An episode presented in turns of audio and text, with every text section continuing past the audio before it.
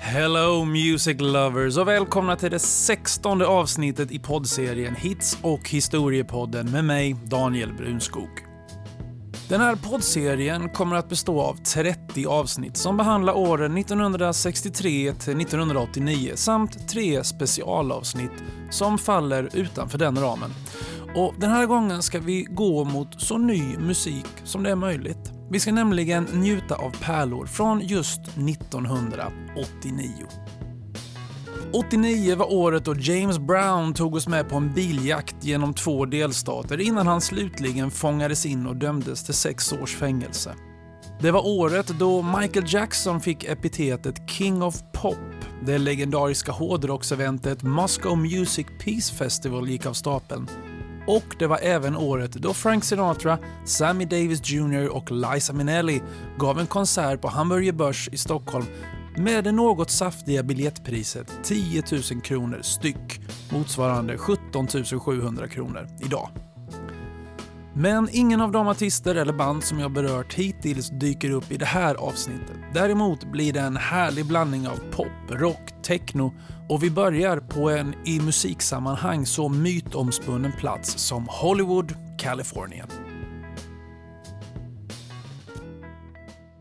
Belinda Joe Carlisle föddes 1958 i Hollywood, som egentligen inte är mer än ett 9 kvadratkilometer stort område i Los Angeles med cirka 22 000 invånare. Men här hittar man å andra sidan namnkunniga gatuadresser som Hollywood Boulevard, Rodeo Drive, Mulholland Drive och Sunset Boulevard, bara för att nämna några.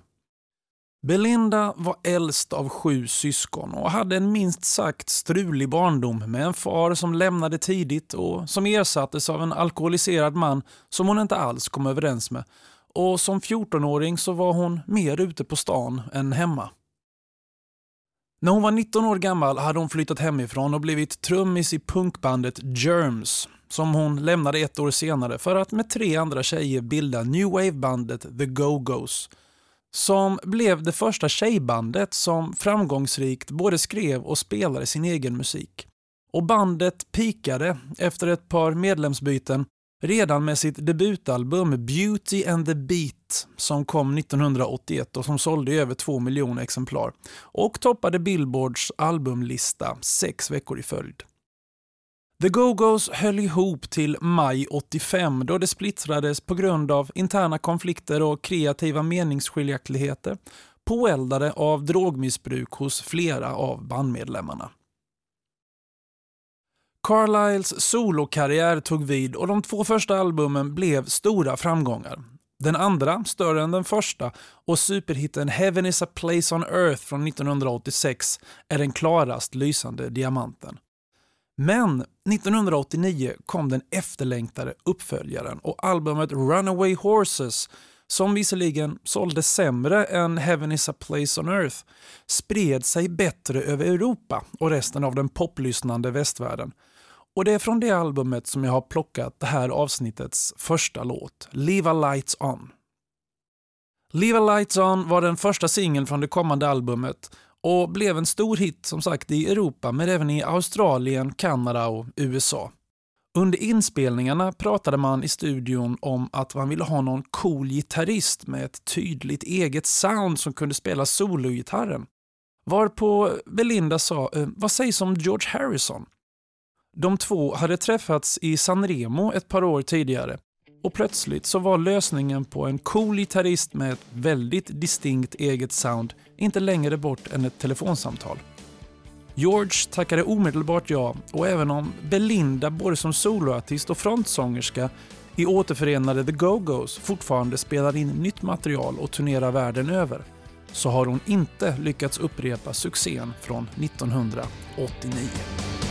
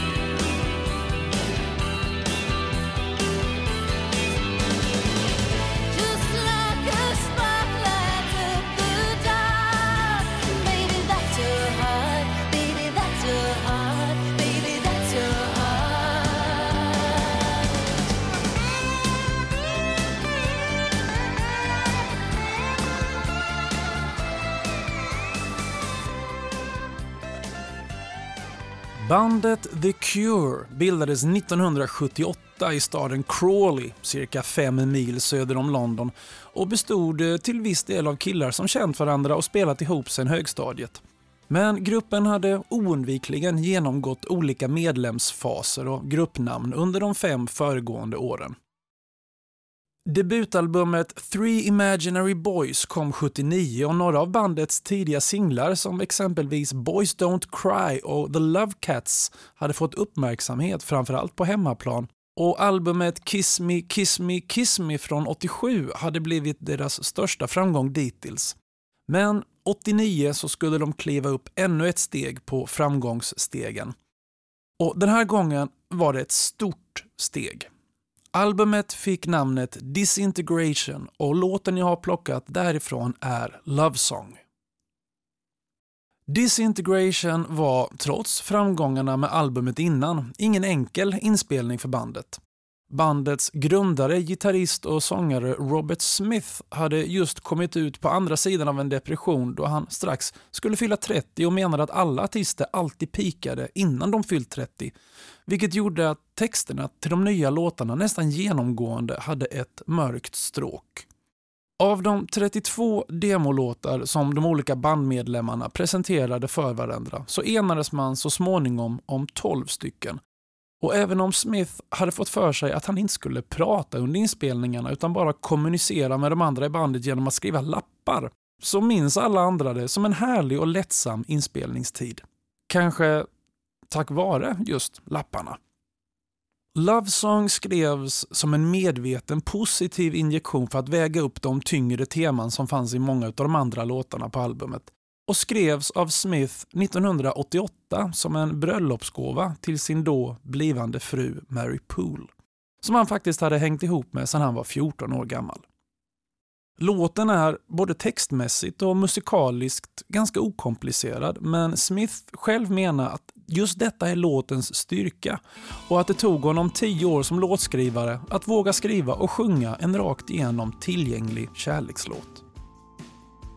Love Song släpptes som den tredje singeln från albumet och tog sig upp på andra platsen på Billboard Hot 100 vilket var gruppens största singelframgång någonsin. Och det var naturligtvis en starkt bidragande orsak till att Disintegration än idag är den största albumframgången för The Cure.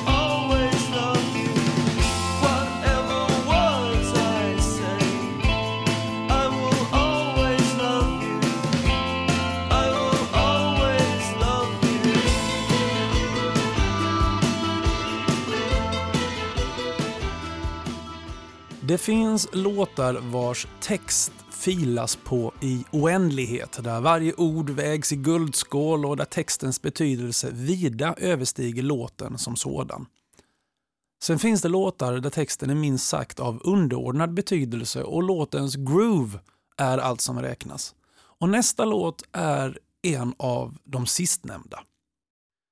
Den här låtens ursprungliga textidé kommer visserligen från sänkningen av det ryska slagskeppet Navarin som gick under vid slaget om Toshima 1905 som var en händelse i det rysk-japanska kriget i början av 1900-talet. En i besättningen citerades nämligen i samband med att man övergav skeppet och översatt till engelska så lyder citatet “We must live upwards now for it's downward we head”.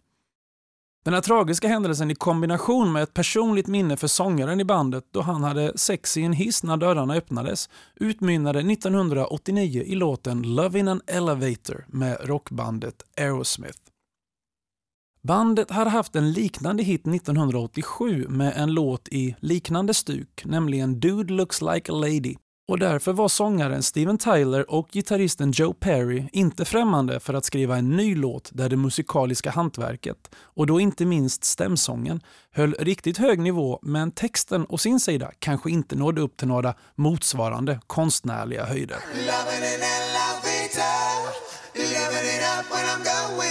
Låten skrevs i januari och spelades in under våren 89 tillsammans med de övriga låtarna som skulle komma att utgöra bandets tionde album Pump. Och där många av rocklåtarna arrangerades upp med keyboards och blåssektioner för att även passa mainstream-radion och deras lyssnare. Tre av låtarna nådde topp 10 på Billboard Hot 100 och där Love in an Elevator blev den kommersiellt mest framgångsrika singeln och sålde guld i USA.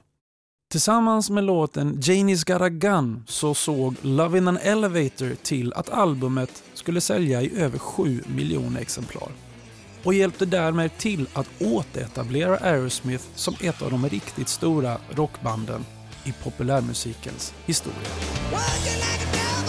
last name.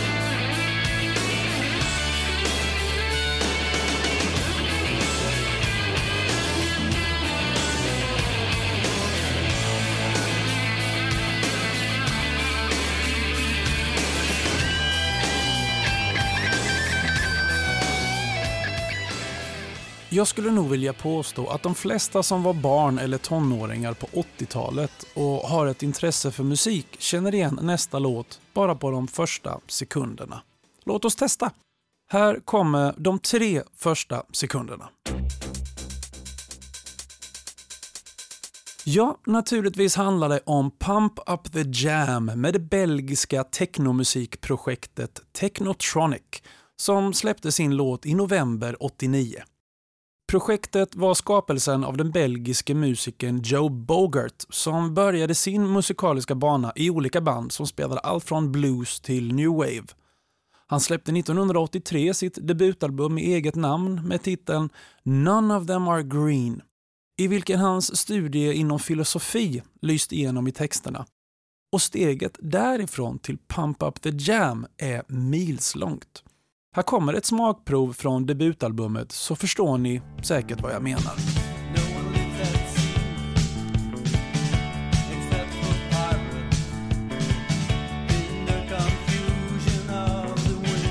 Exakt hur det här musikaliska hoppet till eurotechno gick till är dåligt dokumenterat men att hans intresse för musik på något sätt korsades med det faktum att hans pappa drev en elektronikaffär och sålde bland annat både keyboards och datorer känns ju lockande att tro och kanske till och med lite rimligt. Manuela Yakid K. Komosi var en sångerska som redan fanns på Bogarts skivbolag och hon sjöng på den här låten och de flesta av de andra Technotronic-låtarna. Men hon var inte med i videon eller på skivomslaget som istället innehöll Zaire-födda fotomodellen Felly som med katastrofdåligt resultat mimade till låten i den första videon. Och Det var inte så konstigt att det inte blev så bra eftersom hon inte talade ett enda ord engelska. Yakid K hade valt att inte skriva på ett nytt kontrakt med bolaget som skulle släppa singeln och därför så kunde inte hon synas i marknadsföringen. Men när låten blev en hit och hon insåg sitt misstag så skrev hon snabbt under kontraktet och på kommande Technotronics-singlar så syntes hon både på skivomslagen och på scenen. Pump Up The Jam såldes i närmare 2 miljoner exemplar och blev listetta i sju länder och topp 10 i ytterligare 13, däribland USA, där låten visserligen nådde första platsen på ett antal listor, men fick nöja sig med andra platsen på Billboard Hot 100, snuvad på topplaceringen av Michael Bolton och hans ballad How am I supposed to live without you. Sedan Pump Up The Jam dök upp i skivaffärerna i november så släpptes den i ytterligare 26 officiella versioner inom ett år. Och på 90 och 00-talet har ytterligare 19 nya officiella remixar dykt upp, vilket är mer än man kan säga om Bolton-balladen. Och det är väl få danslåtar från 80 och 90-talet som så tydligt ger sound åt dansgolvet på den tiden, som den belgiska Pump Up The Jam. Jam, pump it up while your feet are stumping. And the jam is pumping. Look ahead, the crowd is jumping. Pump it up a little more, get the party going on the dance floor. See, cause that's where the party's at, and you find out if you do that.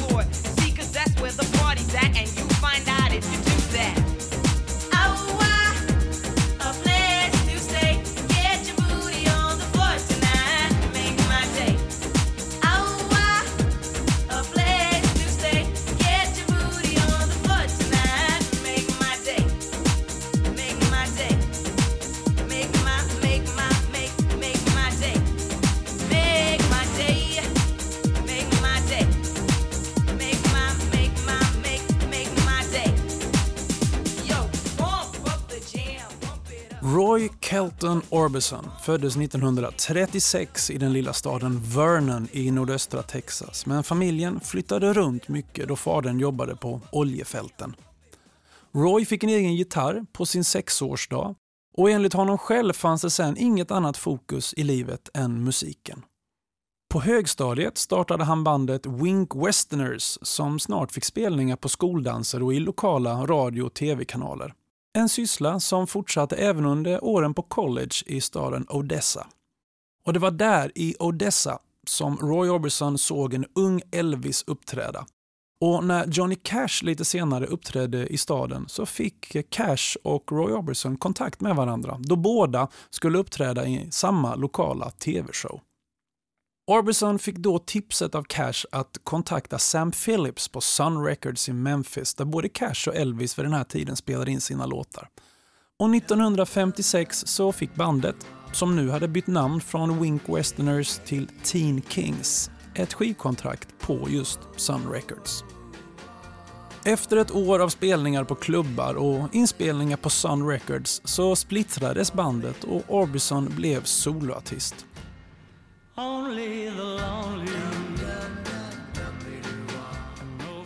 1960 fick han den här sin första hit Only the Lonely som nådde andra platsen på Billboards singellista och som omedelbart följdes upp med hittarna Running Scared och Crying samma år. Och sen såklart monsterhitten Oh Pretty Woman 1964. Karriären rullade på men hitlåtarna uteblev och när vi trillade in i mitten av 80-talet så har Orbison inte haft en egen låt på Billboard Hot 100 sedan 1967. Inspelningarna till albumet Mystery Girl påbörjades i juli 87 och producerades av Jeff Lynne som också tillsammans med Tom Petty och Orbison själv skrev merparten av låtarna.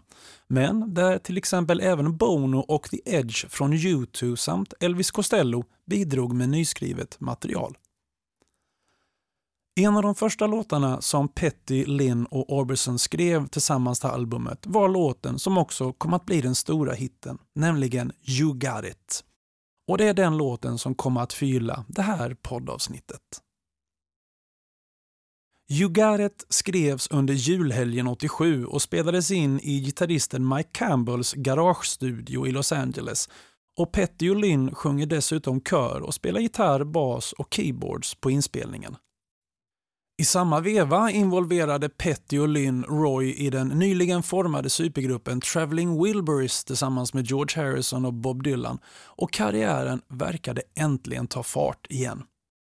Inspelningarna för albumet Mystery Girl var klara i november 88 och hade pågått parallellt med ett hektiskt schema av livespelningar och arbete med Traveling Wilburys och Orbison kände sig sliten och hade smärtor i bröstet. Han bestämde sig för att åka hem till sin mamma och vila upp sig ett par dagar innan han skulle flyga till London för att spela in två nya musikvideos med Traveling Wilburys. Men han dog av en hjärtattack i sin mammas hus bara två dagar efter att han hade kommit dit den 6 december 1988, blott 52 år gammal. Albumet Mystery Girl släpptes så småningom i januari 89 i samma veva som singeln You Got It och både albumet och singeln mottogs med lysande recensioner. Singeln pikade som nia på Billboards singellista och blev hans största hit sedan Pretty Woman 64 och albumet Mystery Girl sålde i närmare 2,5 miljoner exemplar. Men den store tenoren, The Caruso of Rock som han också kallades, var borta. Men hans legacy i rockhistorien kommer alltid att finnas kvar. Every time I look into your loving eyes I love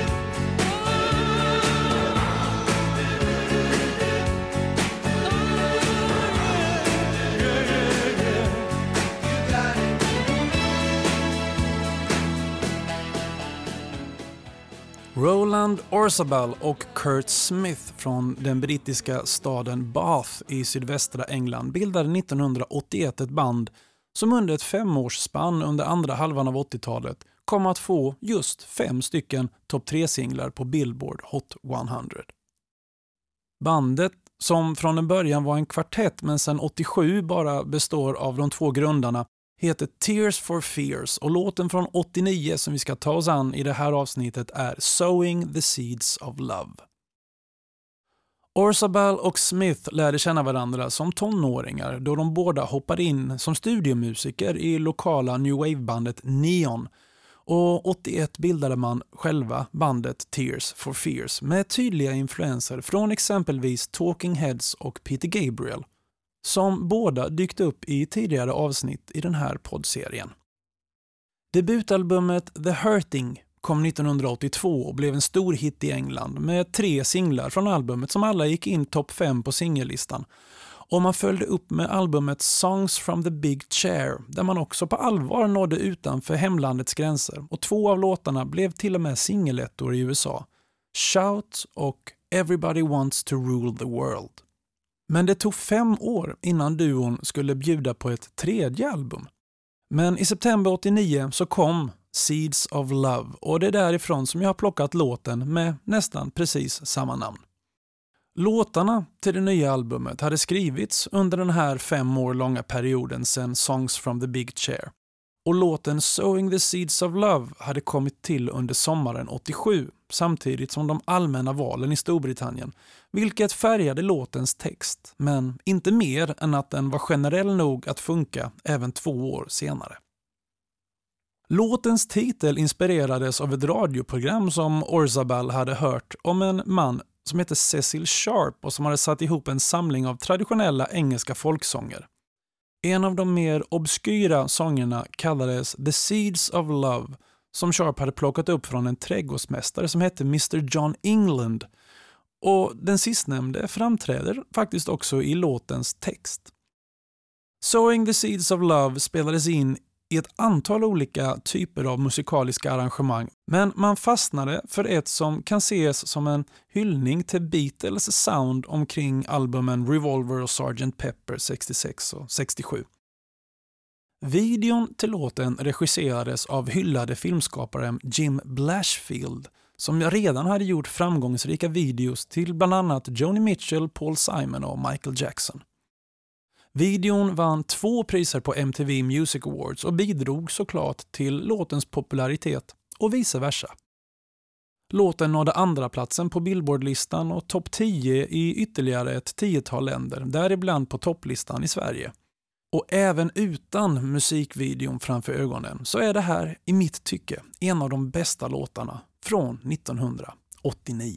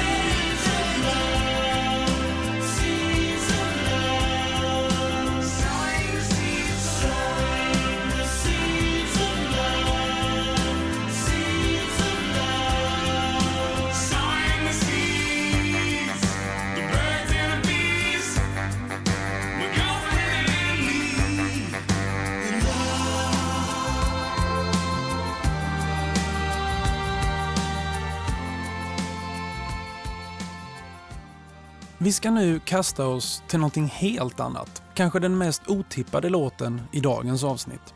Det är nämligen dags för det amerikanska new wave-bandet The B-52s och deras supersoliga partyhit Love Shack. The B-52s bildades i Athens, Georgia redan 76 och spelade då någon slags blandning av dance och surfmusik. Och deras första singel Rock Lobster som kom 1978 blev en underground-hit i New York och ledde till att Warner Bros erbjöd dem ett kontrakt. De spelade in sitt självbetitlade debutalbum sommaren 79 och albumet blev en stor hit i USA och Australien. Och exempelvis John Lennon berättade att B-52s var hans nya favoritband och att deras album inspirerat honom under tillkomsten av hans eget Double Fantasy som kom 1980.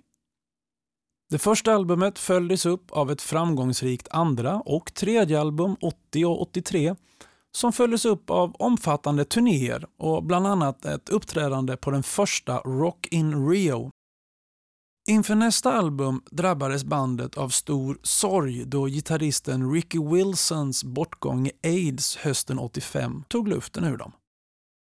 Bandet, där bland annat Rickys syster Cindy ingick, orkade helt enkelt inte ta sig samman för att fullt ut spela in, turnera och promota det nya albumet och många av låtarna var mer soloprojekt av bandmedlemmarna än några gemensamma kompositioner. En av bandets grundare, multi-instrumentalisten Keith Strickland, fortsatte dock att skriva ny musik för bandet och 1988 samlade han gänget igen för att spela upp lite idéer för dem. Sorgen hade lagt sig och de övriga medlemmarna kände sig nu redo att med glädje ta sig an ett nytt album och i juni 89 släpptes albumet Cosmic Thing samtidigt som singeln Love Shack. Inspirationen för låten Love Shack var en stuga utanför Athens, Georgia där bandet en gång skapat sin genombrottslåt Rock Lobster och där en av bandets sångerskor, Kate Pearson, faktiskt bodde på 1970-talet. Och Den positiva och dansvänliga låten blev en stor framgång för B-52s med över en miljon sålda singlar och toppplaceringar på hitlistor runt om i världen. Men viktigast av allt var nog ändå att vägen tillbaka till en bättre tillvaro nu var påbörjad, både för bandet och deras medlemmar.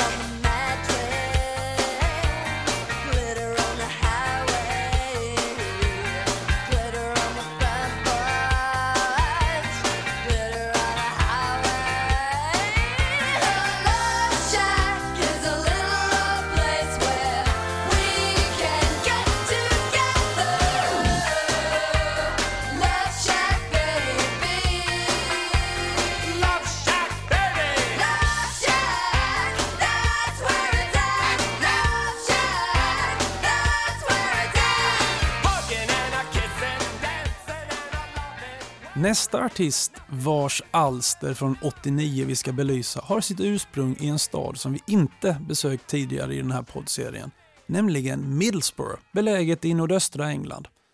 För här föddes och växte Chris Rea upp bland sex andra syskon på 50 och 60-talet. Rea skaffade sin första elgitarr när han var i 20-årsåldern och utvecklade tidigt en fabläs för att spela slidegitarr.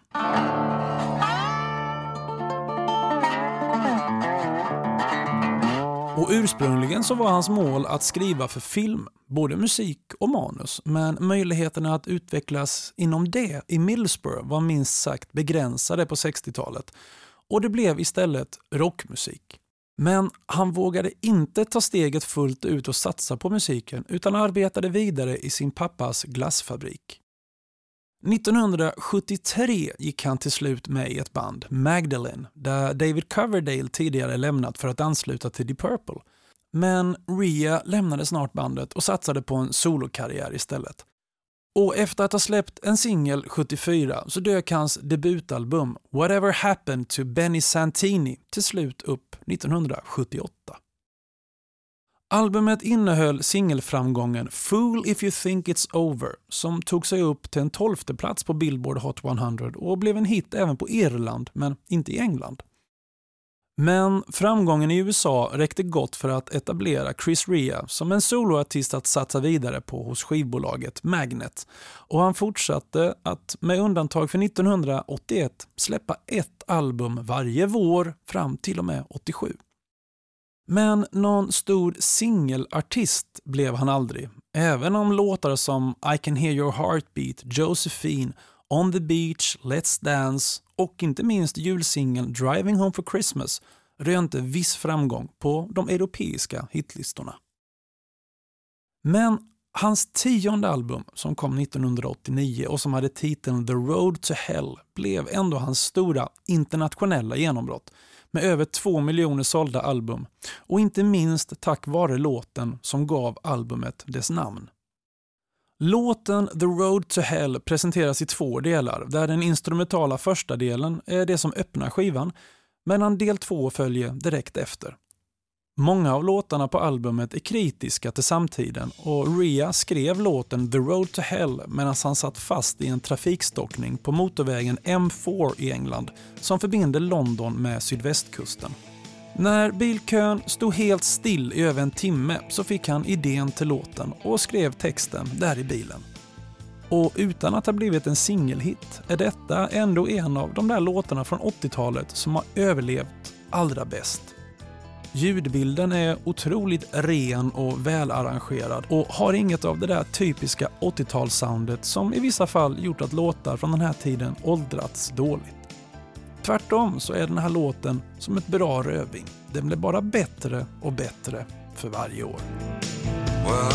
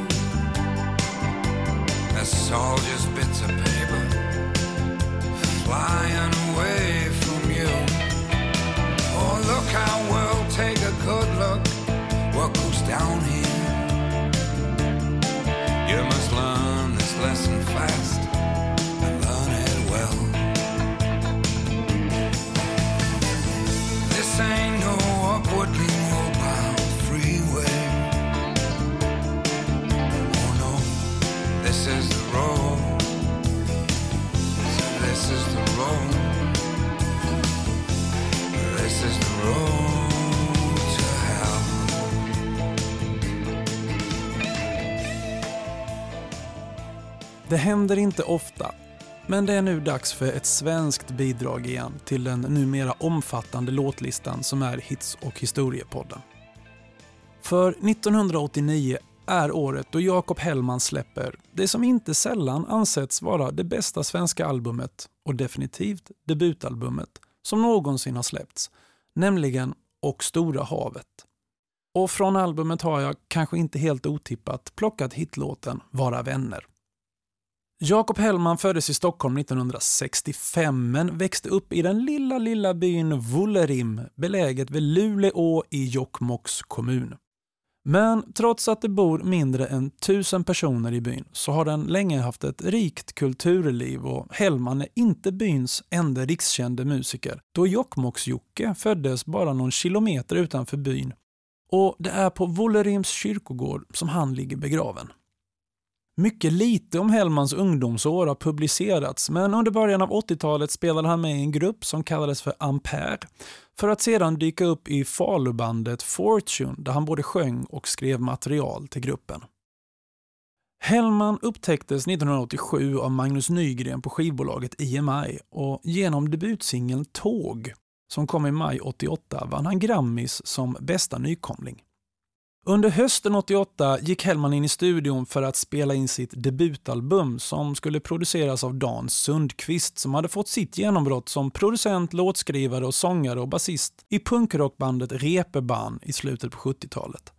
Men han hade 1982 lämnat bandet för att helt fokusera på att jobba som producent och fram till hösten 88 hade han redan producerat bland annat Peter Lemark, Anneli Rydé, Freda, Wilmer X och Pugh Rogefeldt. Och det var just Freda som pockade på hans uppmärksamhet samtidigt som han producerade Hellman, vilket gjorde att den relativt okände soloartistens lågbudgetprojekt inte fullt ut prioriterades. Sundqvist och Hellman hade dessutom olika syn på hur skivan skulle låta. Hellman ville att den skulle behålla den råare känslan som fanns på demokassetten från 87 som låg till grund för skivan.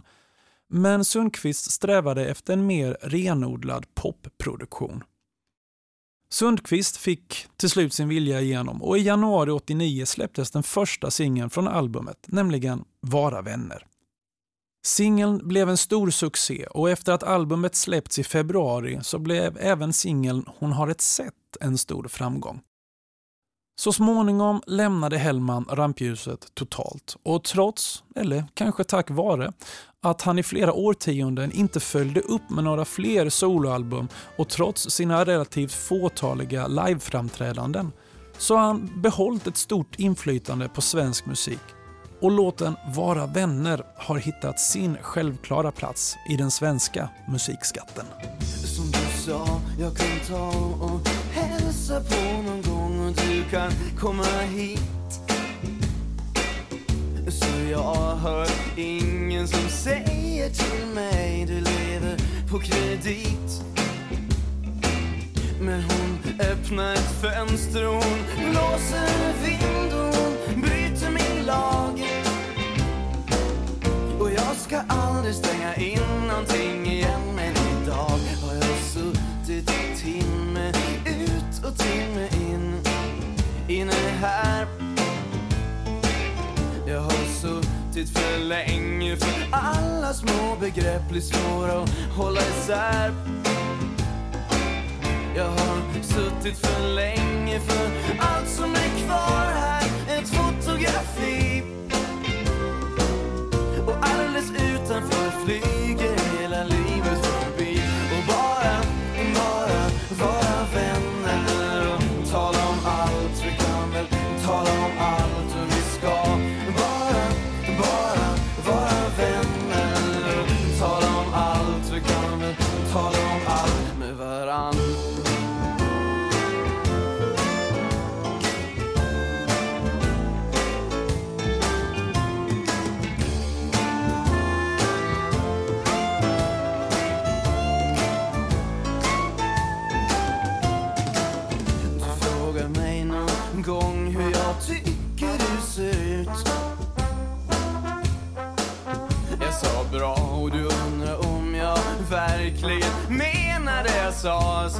sa, så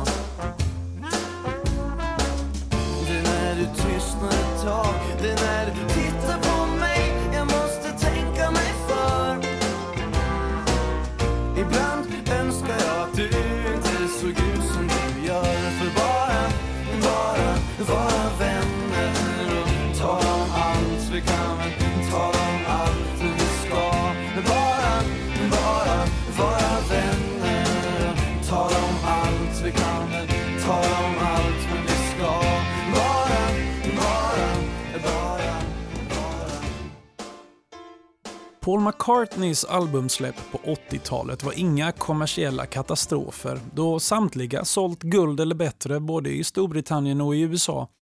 Och med tre singelettor på Billboard Hot 100 så är det ju helt okej, okay, även om två av dem faktiskt var duetter med Stevie Wonder respektive Michael Jackson.